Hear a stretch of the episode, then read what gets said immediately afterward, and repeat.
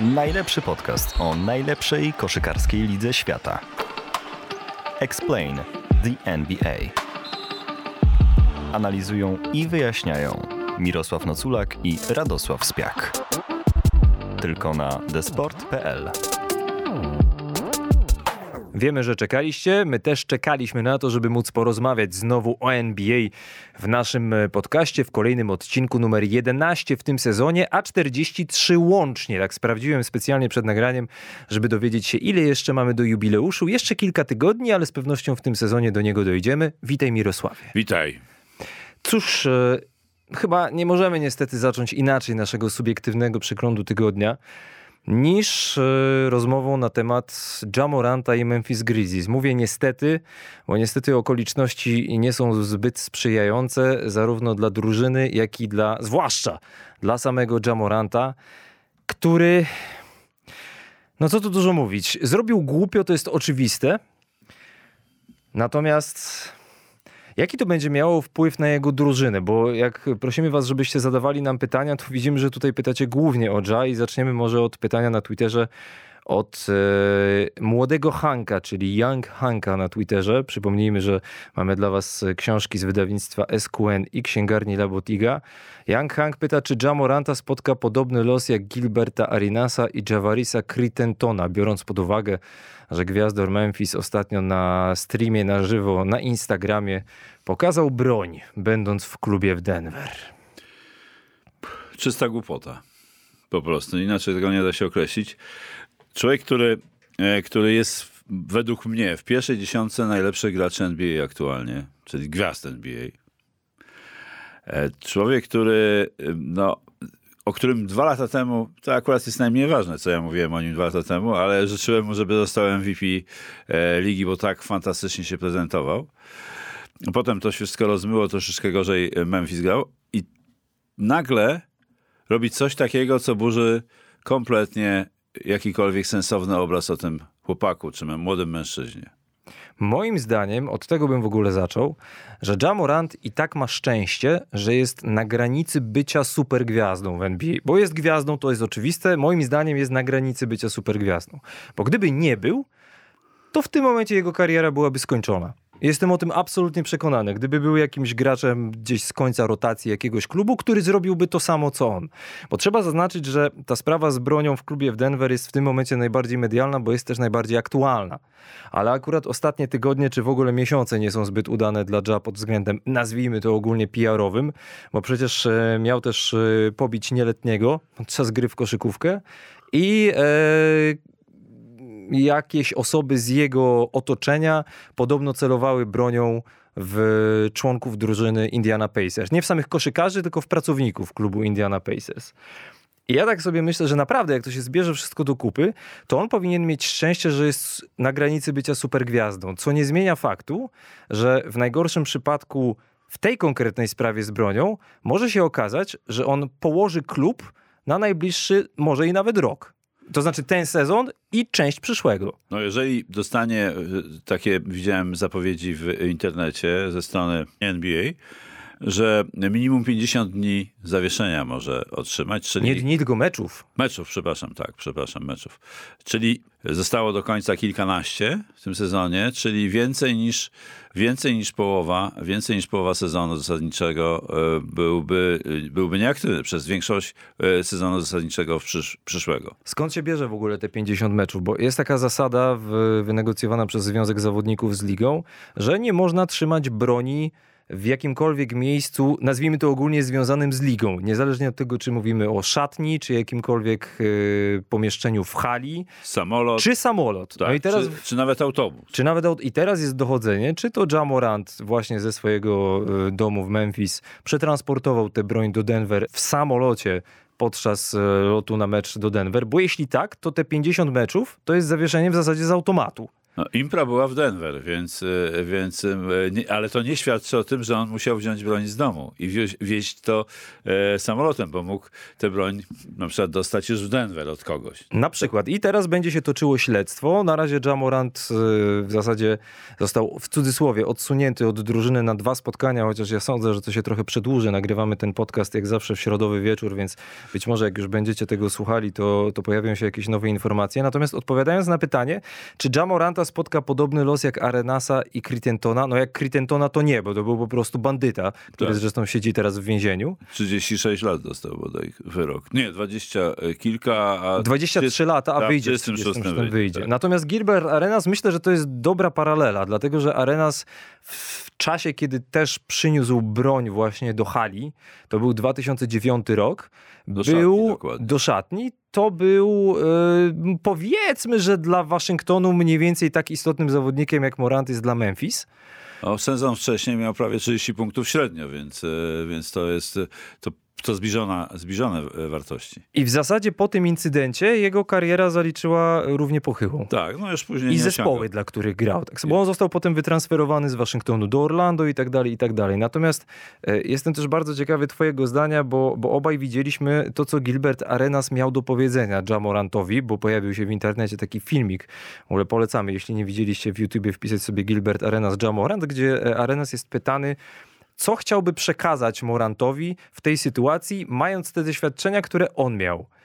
I powiem ci, że jak odsłuchałem tego, co Arenas powiedział, to w 100% się z nim zgadzam, bo on na samym początku zaznaczył, że jak jesteś taki młody i zwłaszcza jeśli masz tyle pieniędzy i jesteś sławny, to wydaje ci się, że jesteś niezwyciężony.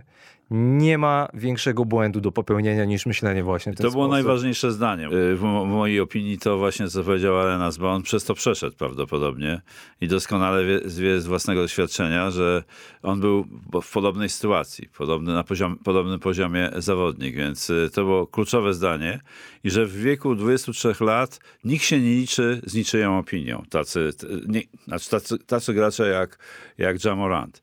Bo potem jeszcze y, dużo mówił Gilbert na, ten, na, na temat tego, tego występku e, Jamoranta i co powinien robić, ale mi się od razu nasuwa takie zdanie Leszka Kołakowskiego, mojego ulubionego filozofa, który e, powiedział mniej więcej w tym samym wieku, co, co Jamorant powiedział, że e, kiedy jesteś młody, jesteś wszystko wiedzący. Czyli mówiąc krótko, arogancki. Na szczęście z wiekiem ja zacząłem głupieć. I to jest e, wskazówka dla, dla Moranta. Jeżeli e, zacznie myśleć o sobie w innych kategoriach niż gwiazdy i, i, i faceta, który się kreuje na jakiegoś ala gangsta e, gościa, no to, to, to, się, to, to, to się skończy katastrofą. Jeżeli to zmieni, to ma szansę wrócić do basketu. Drugie pytanie z Twittera na ten sam temat, bo to gorący temat, trzeba zaznaczyć. Eee, Walter Sobczak, tudzież Walter. Nigdy nie wiem, jak czytać to imię. Może jakaś podpowiedź w następnym tweetie? Bo w nazwisku jest taki obcy dźwięk jeszcze i może to Walter. Pewnie dlatego. E, w jakim stopniu trener może wpłynąć na młodego gracza, który ma wszystko, aby być na szczycie, ale marnuje karierę, popełniając tak zwane błędy młodości? Pytam w kontekście, pisze e, Walter, Ja oraz Adriana Małeckiego. Czy może e, trener, pytanie do ciebie Mirosławie, przybliżyć relacje z Adrianem Małeckim i czy można porównać te przypadki? Mm, Porównać trudno, ale powiem tak, że Adrian, Adrian Małecki miał wszelkie, e, wszelkie miał, miał potencjał na, na to, żeby być graczem NBA. Więc e, z punktu widzenia e, pozycji e, zawodnika w polskiej lidze koszykówki, no to jest, to jest, to jest w jakimś sensie porównywalne, że taki skok za ocean do ligi NBA byłby wielkim sukcesem tego gracza. Niestety Adrian, ja miałem z nim krótko do czynienia, bo miałem kilka miesięcy go miałem jako, e, pracowałem z nim jako trener w unitarnów, ale ale, e, ale e, brutalnie banda Gamoni przerwała mi pracę z zawodnikami, więc nie ma o czym mówić i, i straciłem kontakt z Adrianem Małeckim i z pracą z nim, bo to jest, to jest sytuacja, Od razu wiadomo, że to, jest, to, to był trudny zawodnik o nieus- nieustabilizowanej psychice. Zmieniał często zdanie, w, w, wpadał w nastroje i z takim zawodnikiem trzeba mieć dobry kontakt. Ja nie wierzę, że do tego jest potrzebny psycholog, tylko czas. Najważniejszy jest czas. żeby z takim graczem rozmawiać, dyskutować. Czy przyniesie to skutek? Nikt tego nie, nie może zagwarantować. Ale to jest jedyna droga, żeby ciągle z nim rozmawiać, z takim zawodnikiem.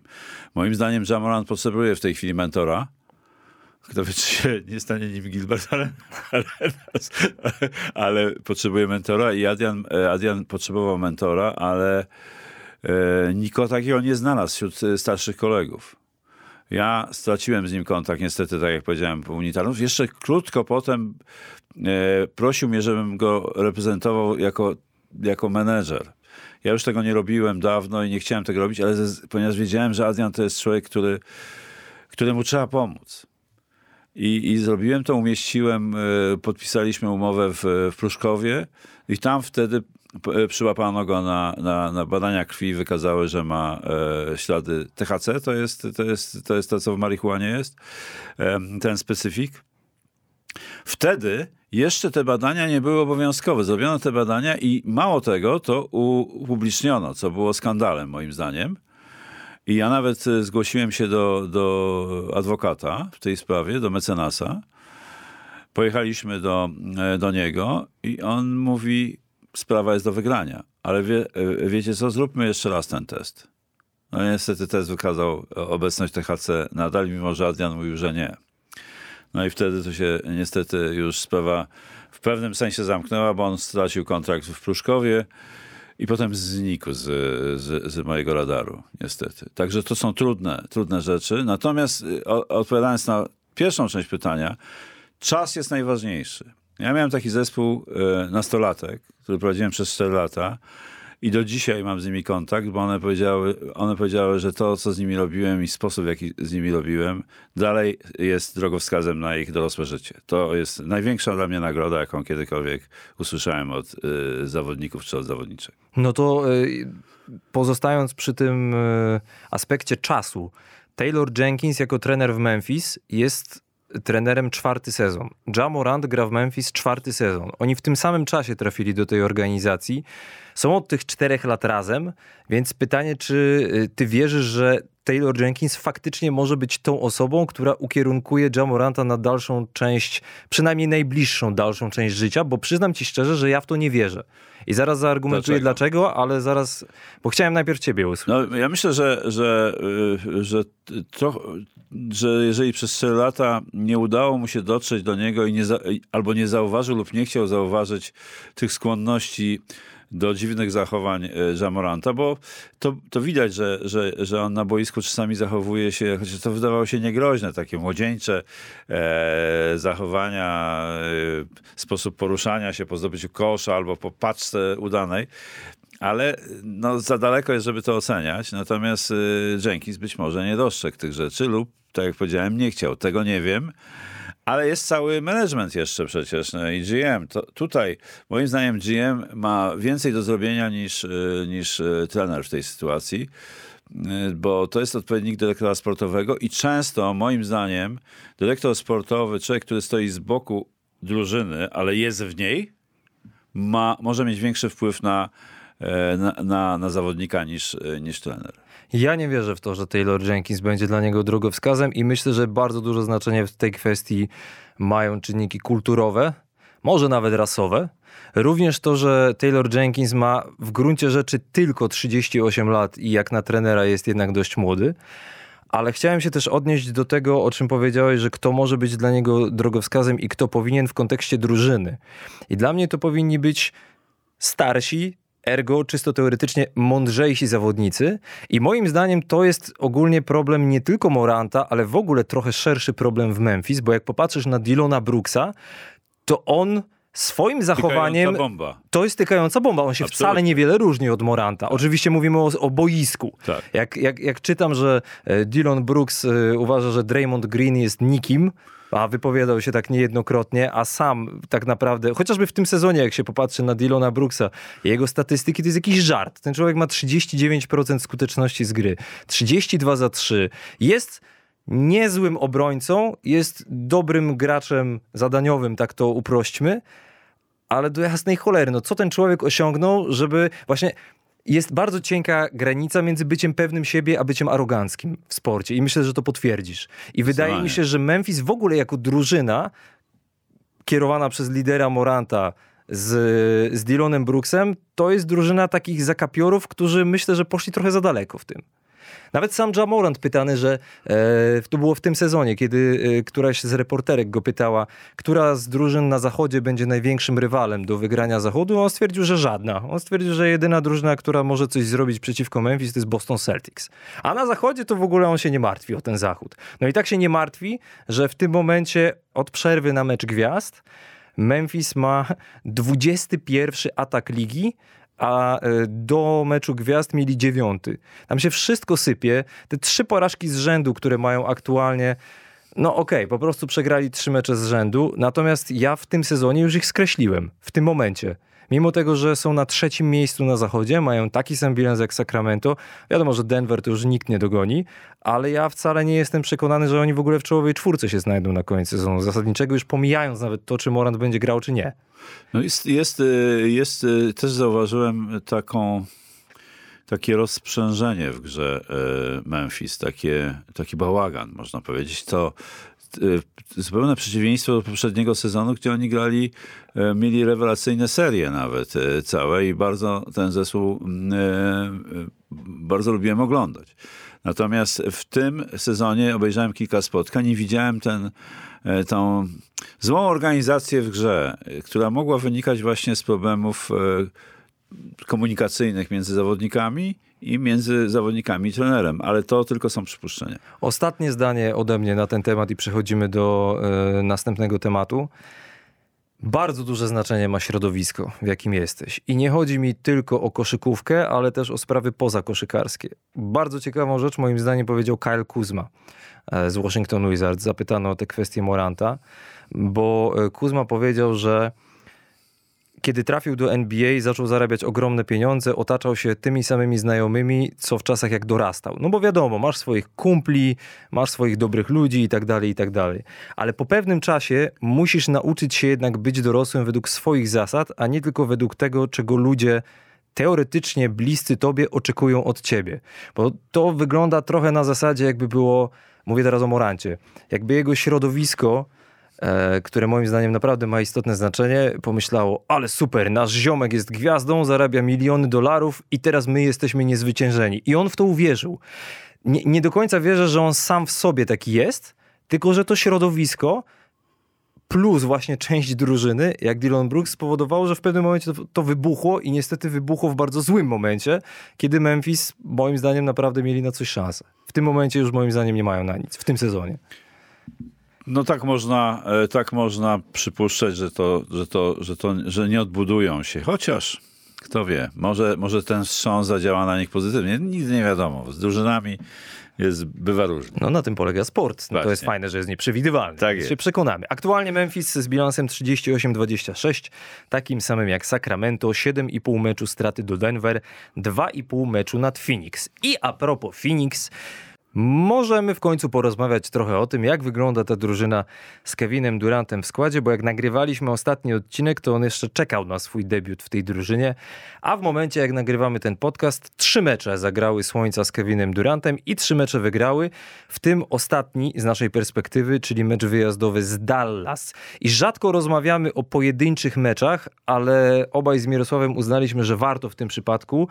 Ja, Mirosławie, poczułem playoffy jak oglądałem ten mecz. Naprawdę poczułem już atmosferę playoffów i wręcz nie mogę się ich doczekać. Mówiłem na koniec naszego ostatniego odcinka, że chętnie bym e, zobaczył Phoenix i Dallas przeciwko sobie w playoffach i po tym meczu chcę tego jeszcze bardziej. No to może być, e, to, to na pewno był hicior, to co, to co e, ten mecz i trochę podobny w klimacie i też na podobnym poziomie jak nieco wcześniej rozegrany mecz na wschodzie Philadelphia-Boston, wygrany w końcówce przez Boston. Również mecz absolutnie playoffowy.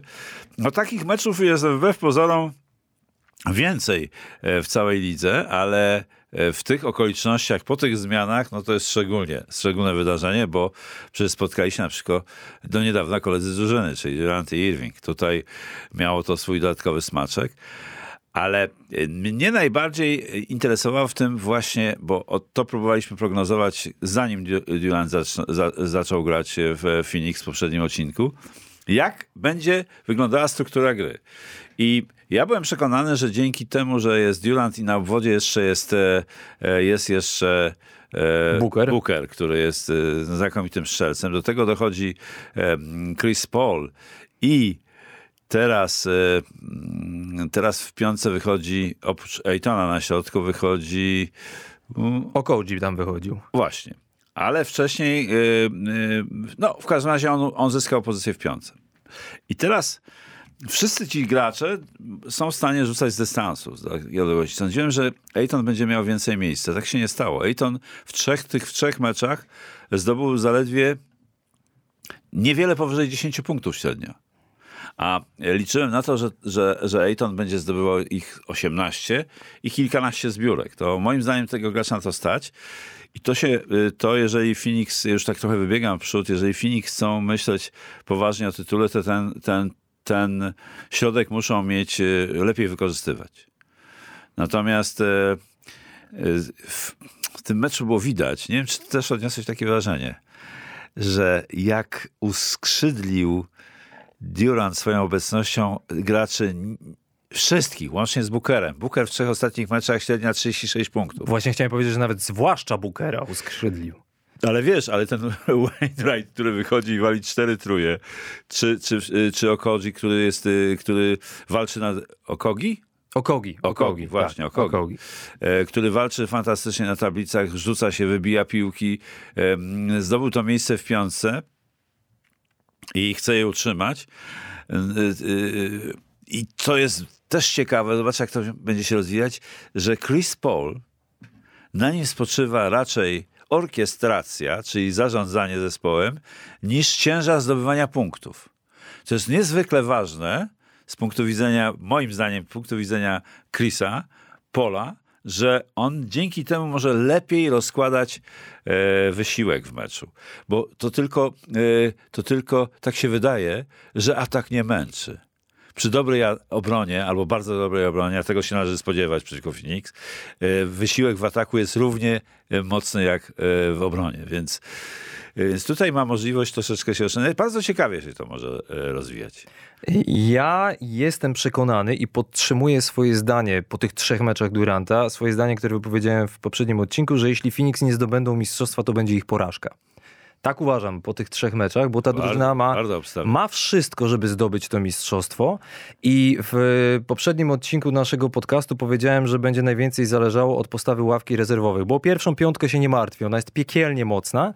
Natomiast co się będzie działo, kiedy Booker, Durant odpoczywają, zwłaszcza w playoffach oczywiście. E, I powiem ci, że e, w takim meczu jak ten przeciwko Dallas zostałem pozytywnie zaskoczony, bo nawet sobie zapisałem, robiłem notatki w trakcie oglądania. Zwłaszcza tego Wainwrighta, który trafił cztery trójki. E, W czwartej kwarcie króciutko, bo króciutko, ale bronił przeciwko Luce. Ja go w ogóle pamiętam. Nie wiem, czy ty pamiętasz, ale w 2019 roku Anwil Włocławek grał w Lidze Mistrzów przeciwko takiej drużynie niemieckiej, która się nazywała Rasta Wechta. I ten Ishmael Wainwright tam był. I przyjechał do Włocławka na mecz z przeciętną niemiecką drużyną, a teraz jest w rotacji drużyny, która będzie się biła o mistrzostwo NBA No i wygląda dość pewnie. tego meczu przypadkiem? Tego meczu akurat nie komentowaliśmy razem, bo sprawdziłem to jeszcze, Okej. żeby się upewnić. Ale podoba mi się to, w jaki sposób Monty Williams wykorzystał tych swoich obwodowych, bo trzeba też zaznaczyć, że w tym meczu przeciwko Dallas Wainwright w pierwszej połowie w ogóle nie, Nie zagrał. On się tak, pojawił dopiero w tak. drugiej połowie. E, i, I te celne trójki, e, e, tam była jeszcze celna trójka, o ile dobrze pamiętam, Toreya Craiga przed tymi dwiema. Tak, ważna, ważna trójka. Wainwrighta. Tam była seria 11 do 2 Phoenix w sytuacji, kiedy Durant siedział na ławce. I to będzie coś, czego Phoenix będzie bardzo potrzebowało w playoffach. I takie mecze jak ten dają mm, no przede wszystkim kibicom Phoenix nadzieję, że, e, że ta drużyna naprawdę no, no, ma wszystko, absolutnie wszystko, czego potrzeba do mistrzostwa. Kwestia jest jeszcze tego typu, jak będzie grał Ayton właśnie. Bo No, było, tak. go, było go trochę mało, natomiast wydaje mi się, że z przyjściem Duranta i podniesieniem jeszcze o poziom jakości gry drużyny, on przede wszystkim odżyje mentalnie. Bo jak były przez ten ostatni czas, jeszcze przed tym sezonem, te kwestie jego kontraktu, czy on w tym Phoenix zostanie, czy oni go w ogóle tam chcą tak naprawdę, czy on chce tam być, że nie rozmawiał przez całe lato z trenerem. Ja miałem wrażenie, że się trochę snuł. W sensie nie tak dosłownie po boisku, ale że momentami go nie było. Tak, ja go nazwałem koalą. Że nie był aż tak zmotywowany. Koalą z Phoenix. No to teraz powinien tę motywację odzyskać. A z takimi graczami obok siebie, jak będzie dobrze wykorzystywany, to niezależnie od tego, z którego miejsca Phoenix będą startowali do playoffów, ale jeśli wszyscy będą zdrowi, to ja ich miałbym wyżej nawet niż Denver. Nie jestem do końca przekonany co do tego, a głównie z tego powodu, że jednak e, może nie ma aż przepaści między rezerwami e, Phoenix a pierwszą piątką, choć ta pierwsza piątka jest piekielnie silna. To jednak ci gracze e, z ławki, bardzo ważni w dzisiejszej koszykówce, e, mają taką takie, to jest taka sytuacja, że oni nie potrafią grać y, mecz po meczu na najwyższym poziomie. Takie mam wrażenie. Nie mam da- danych twardych na to, trzeba by to sprawdzić, ale, ale tutaj zależy od tego, jak stabilna będzie ta druga piątka w sensie e, no, poziomu gry. I to, to wtedy e, ten Phoenix wyrasta na, na faworyta rzeczywiście. Jeszcze chciałem powiedzieć e, statystykę, którą znalazłem a propos tych trzech meczów z Durantem, nie tylko przeciwko Dallas. Phoenix zaliczało asysty przy 65% rzutów z gry. Tyle celnych rzutów było asystowanych, nie po akcjach indywidualnych.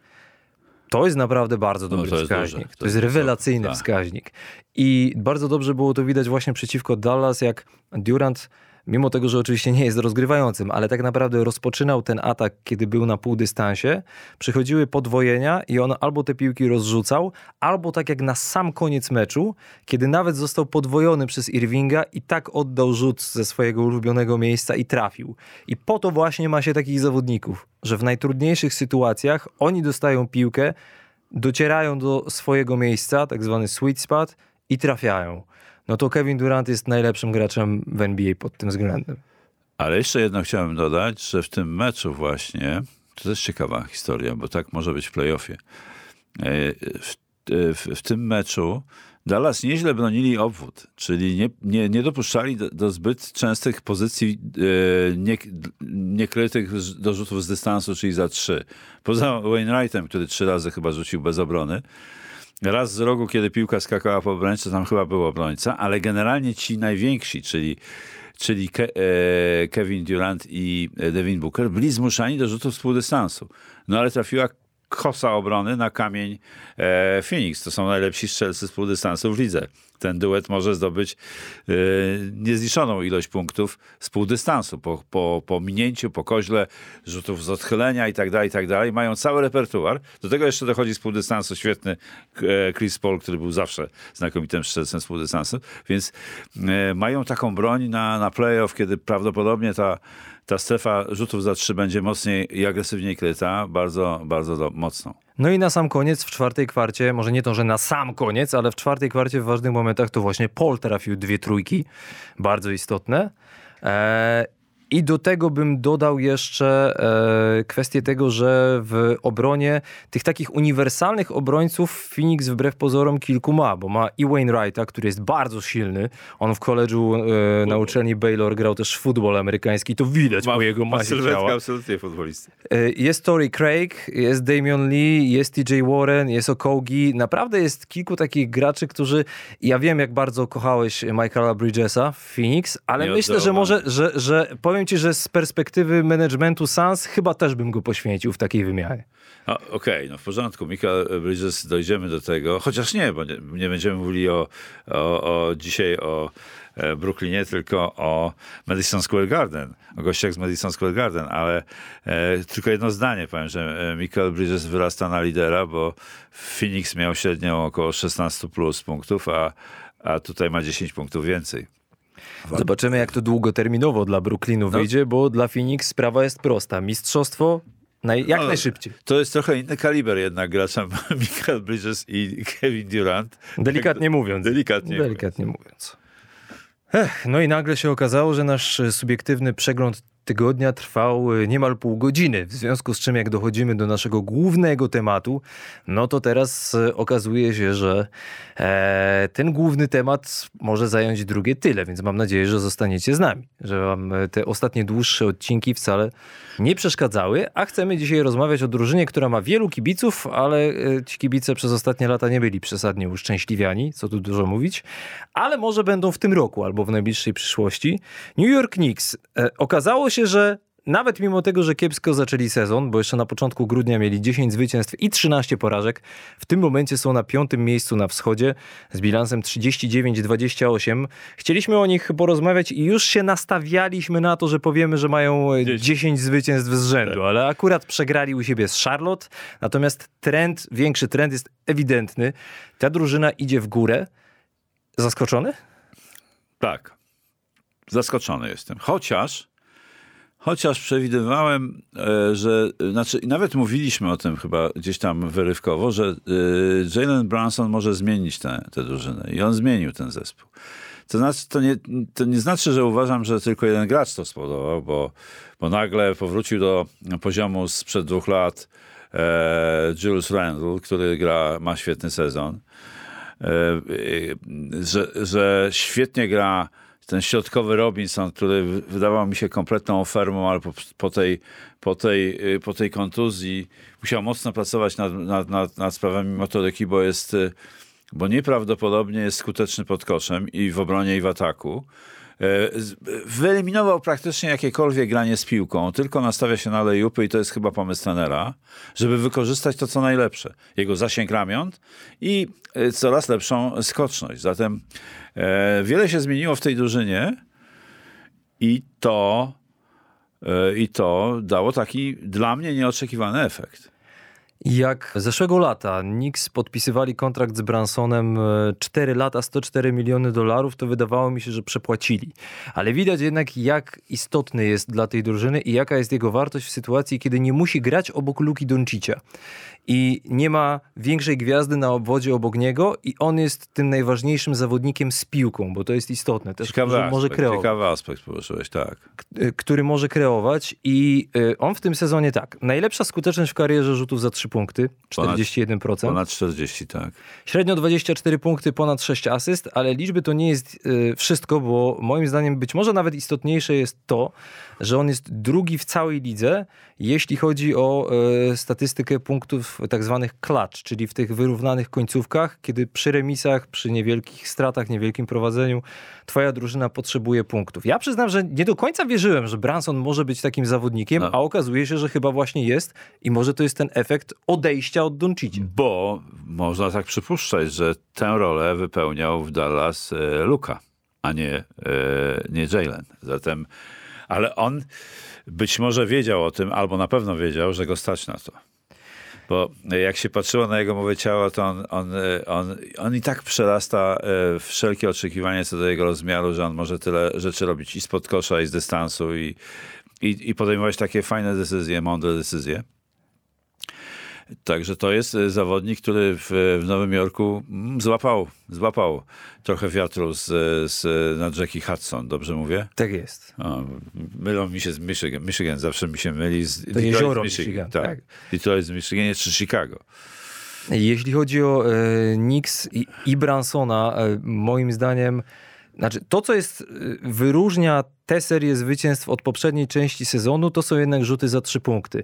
Bo powiedzmy sobie szczerze, Nowy Jork, jak na standardy współczesnej koszykówki, tego świata skupionego na rzutach za trzy punkty, wcale nie ma jakichś rewelacyjnych strzelców na obwodzie.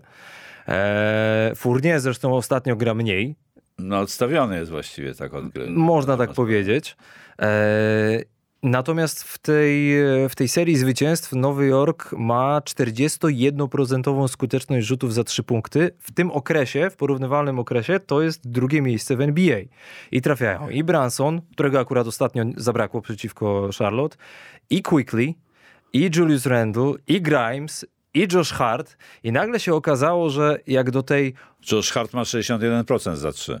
no dlatego jak się dorzuci y, te celne trójki do tej ogólnie dobrej ofensywy Knicks, tylko troszeczkę staromodnej, tak zaznaczam to w cudzysłowie, to okazuje się, że ta, ta drużyna wygląda naprawdę nieźle. Y, Pytanie brzmi, i to jest też pytanie z Twittera od Sławomira, czy New York Knicks w obecnej formie stać na grę w finale konferencji? Bardzo dobre pytanie.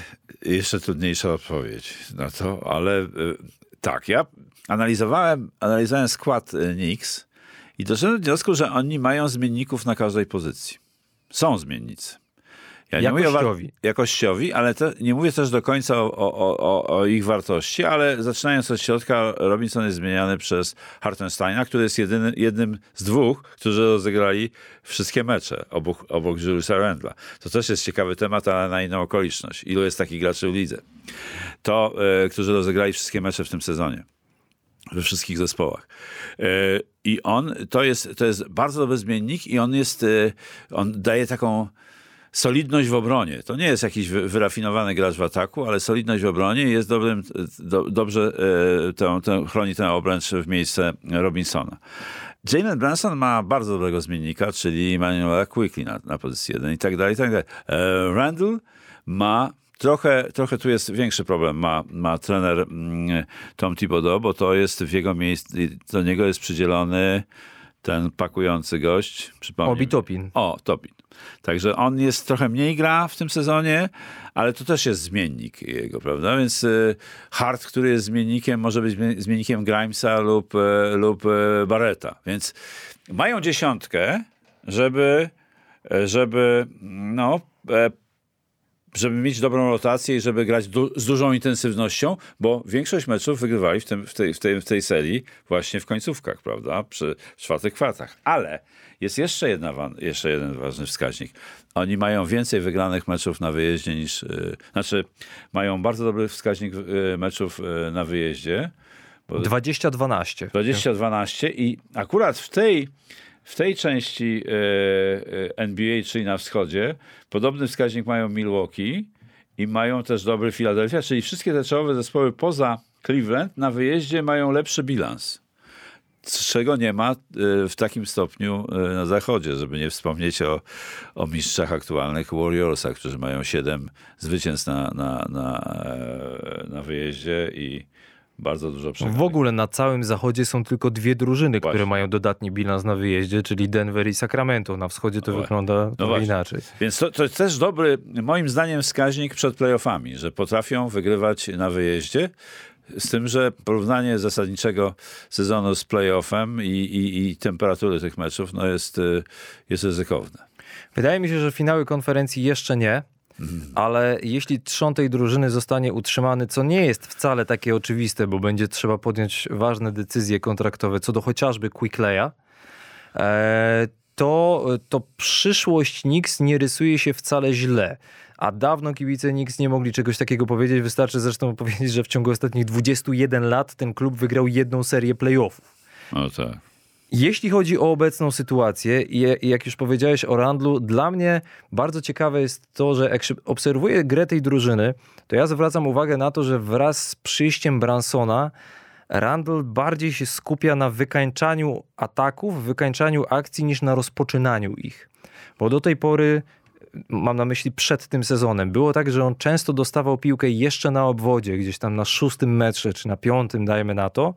Albo grał jeden na jednego, albo to on właśnie rozpoczynał atak i przez jego ręce przechodziła piłka.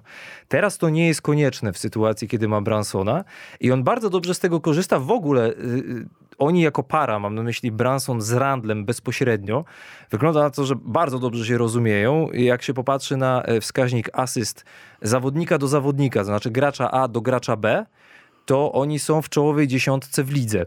To znaczy Branson e, asystował... Tak, ten duet. Branson asystował przy 116 koszach trafionych przez Randla. Eee, No i Randall ma 25 punktów średnio, najwięcej w karierze. Ma naprawdę dobrą skuteczność, w związku z czym wydaje mi się, że ta drużyna może trochę namieszać, ale czy na tyle, żeby awansowała do finału konferencji? Jak patrzę na Milwaukee, Boston i Filadelfię i myślę sobie, że przez którąś z tych drużyn Nowy Jork w siedmiomeczowej serii będzie musiał przejść, nie mając przewagi parkietu, to nawet mimo tego, że dobrze grają na wyjeździe, to, to nie wydaje mi się, bo brakuje im tego star power, tej, tej siły gwiazdorstwa, bo Randall ok, Branson ok, ale to nie jest To jeszcze nie poziom finału tak. konferencji. Ale e, tu jeszcze, e, jeszcze jest, e, po drodze mogą mieć bardzo trudną przeprawę, bo na dzisiaj to wpadną na Cleveland, więc to jest, je- to jest, to jest w ogóle czwarte i piąte miejsce jest najciekawsza e, sytuacja, bo to są najbardziej podobne zespoły w sensie dorobku po sezonie zasadniczym, więc tu będzie niezła ta runda Cleveland, jeżeli tak się utrzyma ta sytuacja, bo moim zdaniem Nowy Jork ma szansę przeskoczyć kogo? Filadelfię albo Boston, no. Trudno będzie. No do Cleveland tracą dwa mecze, do Filadelfii pięć, do Bostonu e, No nie, sześć nie. i pół, no, to nie, chyba to nie. pewnie utrzymają to piąte miejsce e, lub ewentualnie zamienią się miejscami z Cleveland. Ale, ale to będzie niesamowita już pierwsza runda i sprawdzian dla Nowego Jorku. Czego są warci w e, najbliższych playoffach? A powiem ci, że bardzo bym sobie życzył takiej serii, y, również po to, żeby Donovan Mitchell, o którym tak dużo się mówiło, że on przecież do Nowego Jorku właśnie trafi tego lata, żeby on jako gracz innej drużyny miał serię playoffową w Madison Square Garden. To bym naprawdę chciał zobaczyć. A ja bym sobie pomarzył, żeby być w Madison Square Garden w tej, e, i oglądać te mecze. Uwielbiam Nowy Jork. No ja no przy okazji jakiś klub jazzowy trzeba zahaczyć przecież, nie? Nie przy okazji, tylko przede wszystkim. Dobra, no to tak. Jeszcze kwestia, e, o, o której chciałem powiedzieć. e, Toma Thibodeau. Aha. Dlatego, że e, mam wrażenie, że ogólnie wiemy, że Tom Thibodeau jest e, ze starej szkoły trenerskiej, z nim nie ma zabaw. To nie jest człowiek, który się uśmiecha zbyt często i ma jakieś przesadnie e, dobre relacje z A propos, w którymś z meczów, No. przepraszam, wiedział słowo, w którymś z meczów usłyszałem coś takiego, że któryś z komentator- komentatorów pytał drugiego, ty słuchaj, czy Tom Thibodeau się uśmiechnął? Czy mi się wydawało? A ten drugi mówi, chyba ci się wydawało.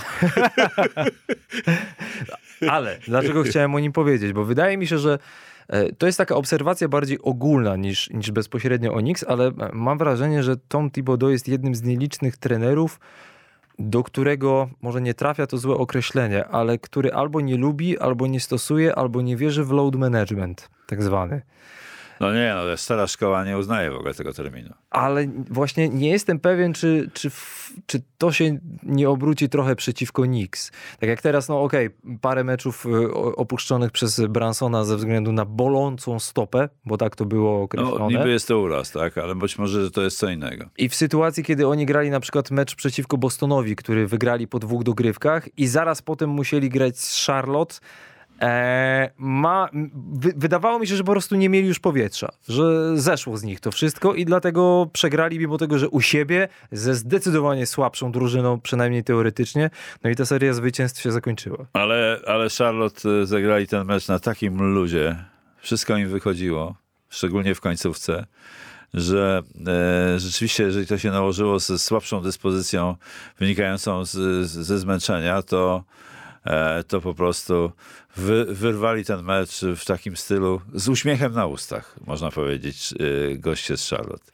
I a propos tego, co powiedziałem o Bransonie i o kończeniu meczów, tak zwanym zamykaniu meczów, nie wiem, czy zwróciłeś uwagę, jak rzadko, ale jak, ef- znaczy rzadko, w sumie rzadko, ale jak efektywnie Nowy Jork używa na koniec meczów tria na obwodzie Branson, Quickley i Josh Hart.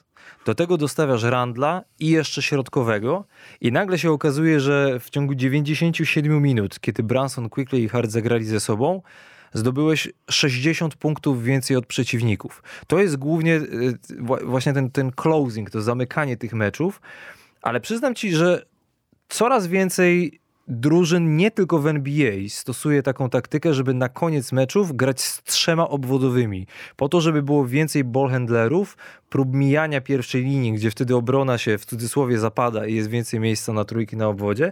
I Nowy Jork bardzo dobrze z tego korzysta. E, Bardzo dobrze, e, bardzo dobry ruch był z Joshem Hartem. To jest niezwykle doświadczony gracz, choć nie aż taki znowu bardzo, ale, ale, ale najwa- najważniejsze jest w jego grze spokój i decyzyjność. Ma bardzo dobre wybory. I stąd też ta jego skuteczność, yy, taka z dystansu i w ogóle. Jest dobrym obrońcą, to jest uzasadnione. Natomiast yy, Immanuel to jest, yy, to jest gość, który może odpalić trójkę za trójką. Zatem Abramson może zrobić wszystko w tym, na tym poziomie, który, który reprezentuje. Zatem no to jest dobre rozwiązanie. A dlaczego o tym powiedziałem? Dlatego, że e, Tom Thibodeau zapytany właśnie o tę taktykę powiedział bardzo ciekawą rzecz jestem pewien, że ci się spodoba, a jeśli nie spodoba, to e, będę prosił o komentarz. Mianowicie, e, Tom Thibodeau argumentuje, że to ustawienie, zwłaszcza na koniec meczów, jest dobre dlatego, że cała trójka wymieniona, czyli raz jeszcze Branson, Quickley i Hart, Mogą grać z piłką, dobrze kozłują, mogą grać też bez piłki i dlatego trudno jest przewidzieć, co drużyna zrobi w takiej sytuacji. Na dłuższą metę to jest męczące, ale w sytuacji, kiedy yy, przeciwnik nie może wiedzieć, co za chwilę zagramy, jest to, yy, jest to po prostu przydatne. Zwłaszcza, że wszyscy trzej dobrze grają akcję pick and roll. I e, jak twierdzi Tom Thibodeau, jeśli rozmawiamy o współczesnej koszykówce, jest bezpozycyjna i podkreślił to w drugim zdaniu, naprawdę jest. Pozycje są wymienne i dopóty, dopóki będziemy podejmowali szybkie decyzje z odpowiednim spacingiem, to ruch i rytm piłki właśnie powinien być e, narzucany przez trzech obwodowych. obwodowych. No, trudno się e, z tą opinią, e, bardzo wyrazista opinia i wyrazisty pogląd nie zgodzić. Bardzo, bardzo się z tym zgadzam, ponieważ rzeczywiście najważniejszą cechą współczesnej koszykówki jest wszechstronność, czyli możliwość grania każdego na każdej pozycji, a obwodowych na pewno. I to będzie na pewno istotne też w playoffach, jak y, Knicks będą grali przeciwko komukolwiek tak naprawdę, kto będzie próbował zabrać... No jeżeli weźmiemy Cleveland, to masz Michela, Okogiego Chodzi i... mi o to, kto będzie e, przeciwko, przeciwko Bransonowi, że, że ktoś będzie próbował zabrać mu grę jeden na jednego, w której się dobrze czuje. No, yy, Dlatego, będzie... żeby był ktoś obok niego jeszcze z perspektywy Nowego Jorku. Tam jest Garland, który może go zatrzymać. Yy, w, to też fajne w ogóle tak, starcie, Garland kontra Branson. Mitchell na powiedzmy, na kogo? Na Grimesa, jeżeli wyjdzie w piątce, tak? Więc to jest bardzo ciekawe. No i, i dlatego Tom Thibodeau to podkreśla, bo w takich scenariuszach po prostu Nowy Jork będzie potrzebował kogoś kreatywnego obok Bransona i to może oznaczać właśnie mniej minut dla Grimesa, może nawet mniej minut dla Barreta, który w trakcie tej serii zwycięstw cztery razy z rzędu grał poniżej pół godziny, ale to się Nowemu Jorkowi przysłużyło.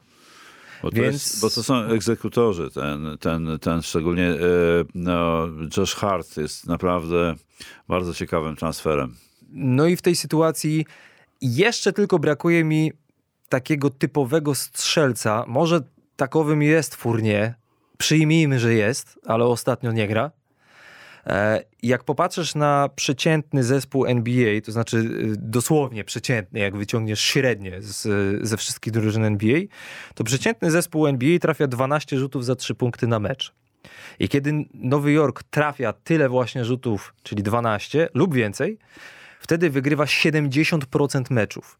Przypomnę, że przy obecnym bilansie, który uznajemy za dobry, oni wygrali 58% meczów. Tylko to się po prostu za rzadko dzieje.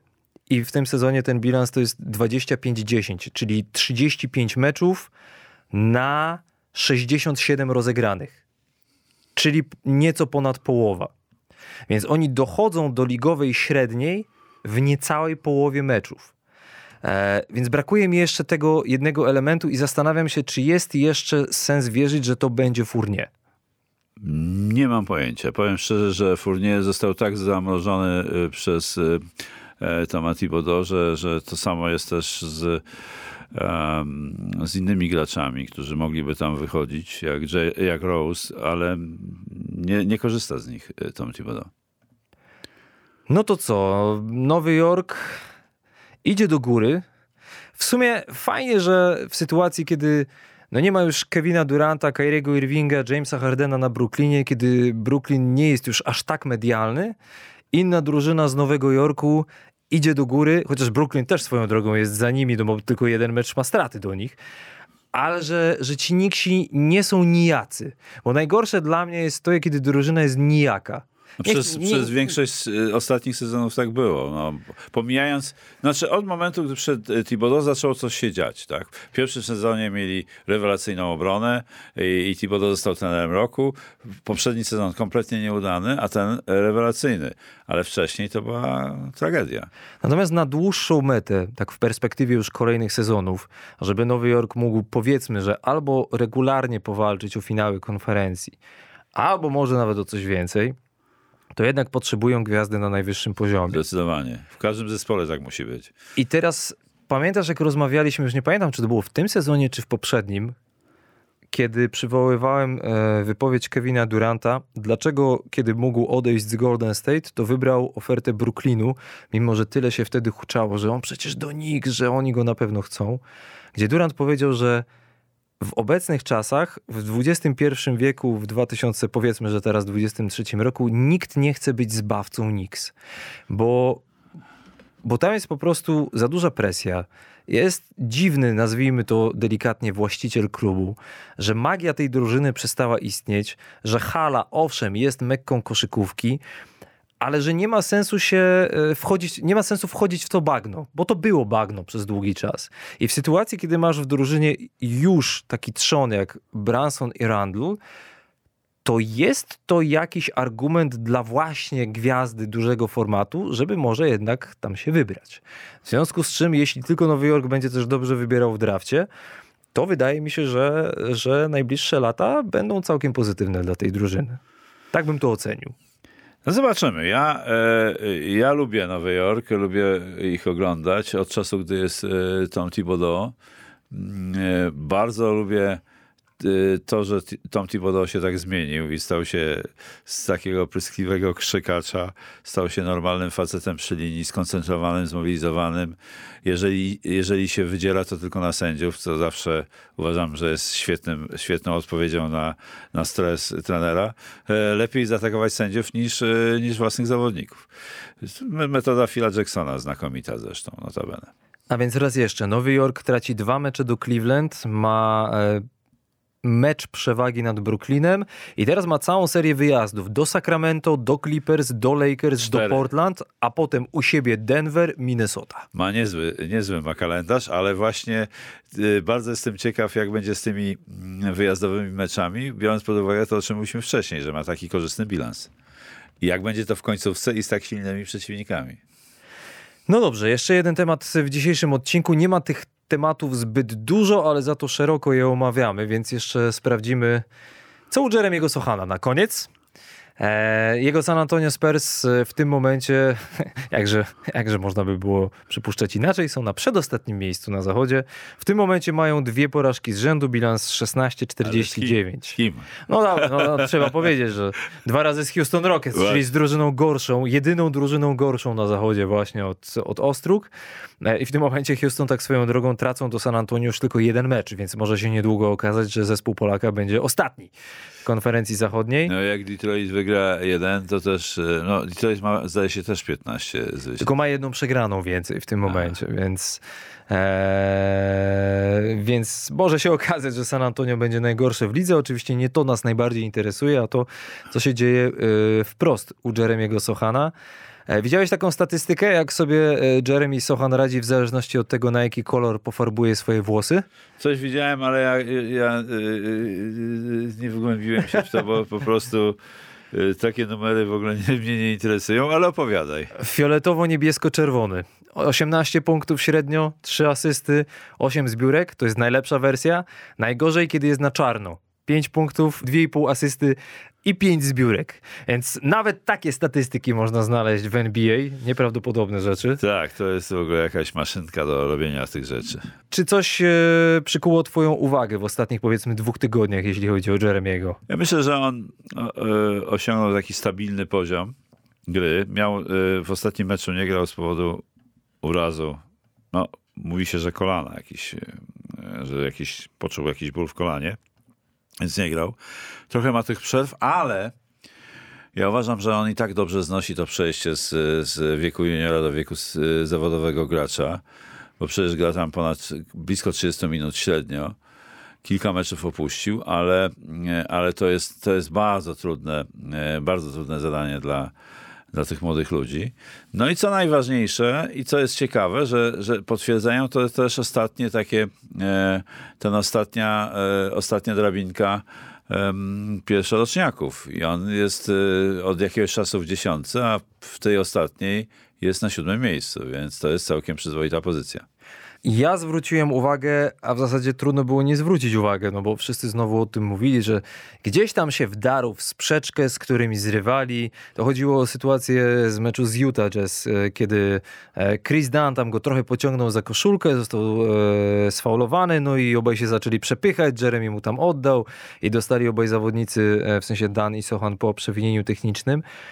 I z jednej strony sobie myślę, że to fajnie, że po raz kolejny pokazuje, że się nie boi, że nie pęka, ale z drugiej tak się zaczynam obawiać trochę, że jeśli takie rzeczy będą się działy częściej, to czy nie przylgnie do niego taka łatka, że on faktycznie jest kolejnym Denisem Rodmanem również pod tym względem, że jest trochę za bardzo wybuchowy i że trochę za często takie rzeczy się zdarzają. Oczywiście często w tym znaczeniu mówię w cudzysłowie, no bo to jest powiedzmy drugi raz w sezonie, po tym jak e, wtedy powalił na parkiet e, Morisa w meczu przeciwko Brooklynowi. Seniora. E, tak, oczywiście, oczywiście, Morisa Seniora. Aczkolwiek, y, no po prostu zastanawiam się, czy, czy mimo wszystko nie powinien tego troszkę jednak ograniczyć i spróbować czasami zareagować tak, dobra, ja, luzik, nic się nie dzieje.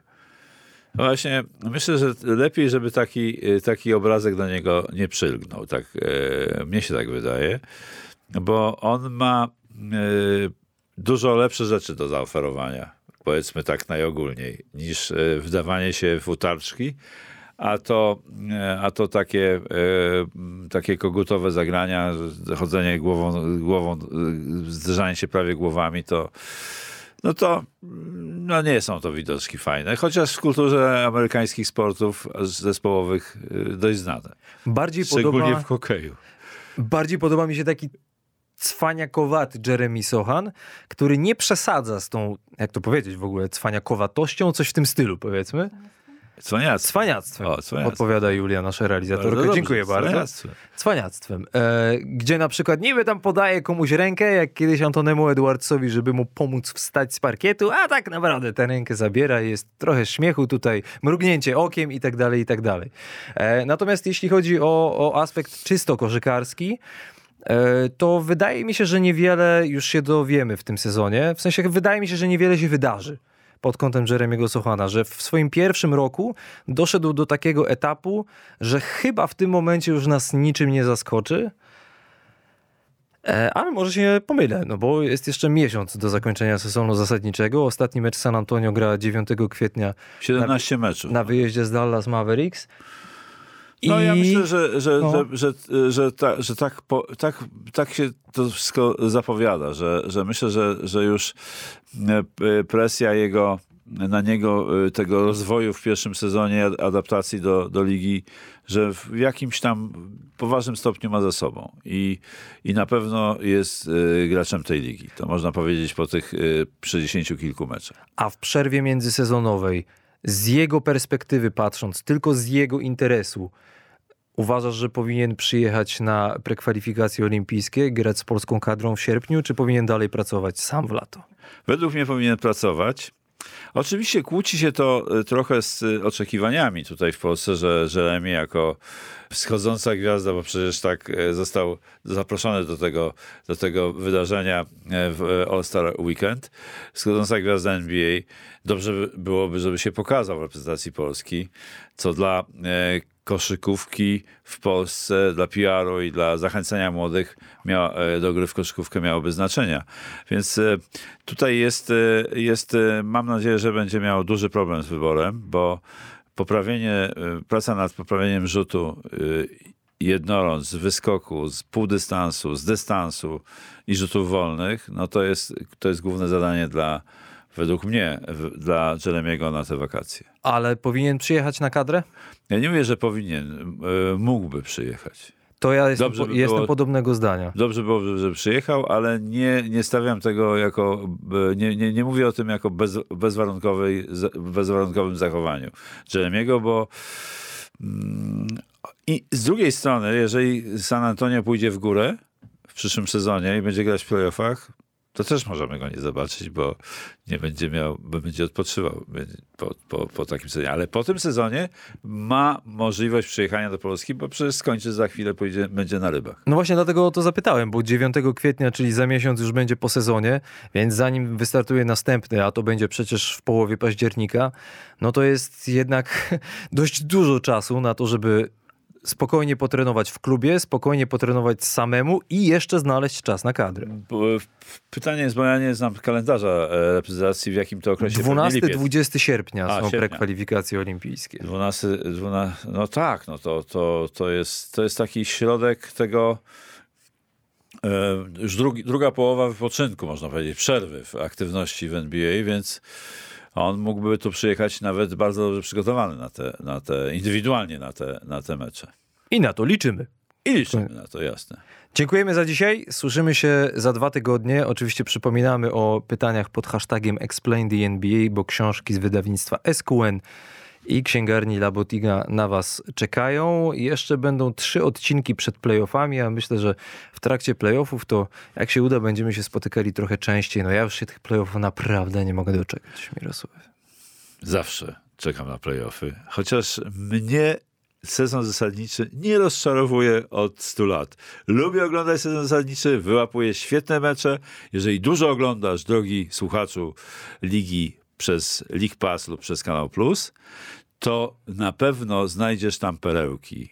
To, to, to jest mit, że runda zasadnicza jest, e, jest są, to są gry towarzyskie, są świetne mecze. I tę końcówkę sezonu zasadniczego życzymy Wam, żeby była jak najciekawsza i jak najbardziej emocjonująca. A za dzisiaj dziękujemy i trzymajcie się. Trzymajcie się, trzymajcie.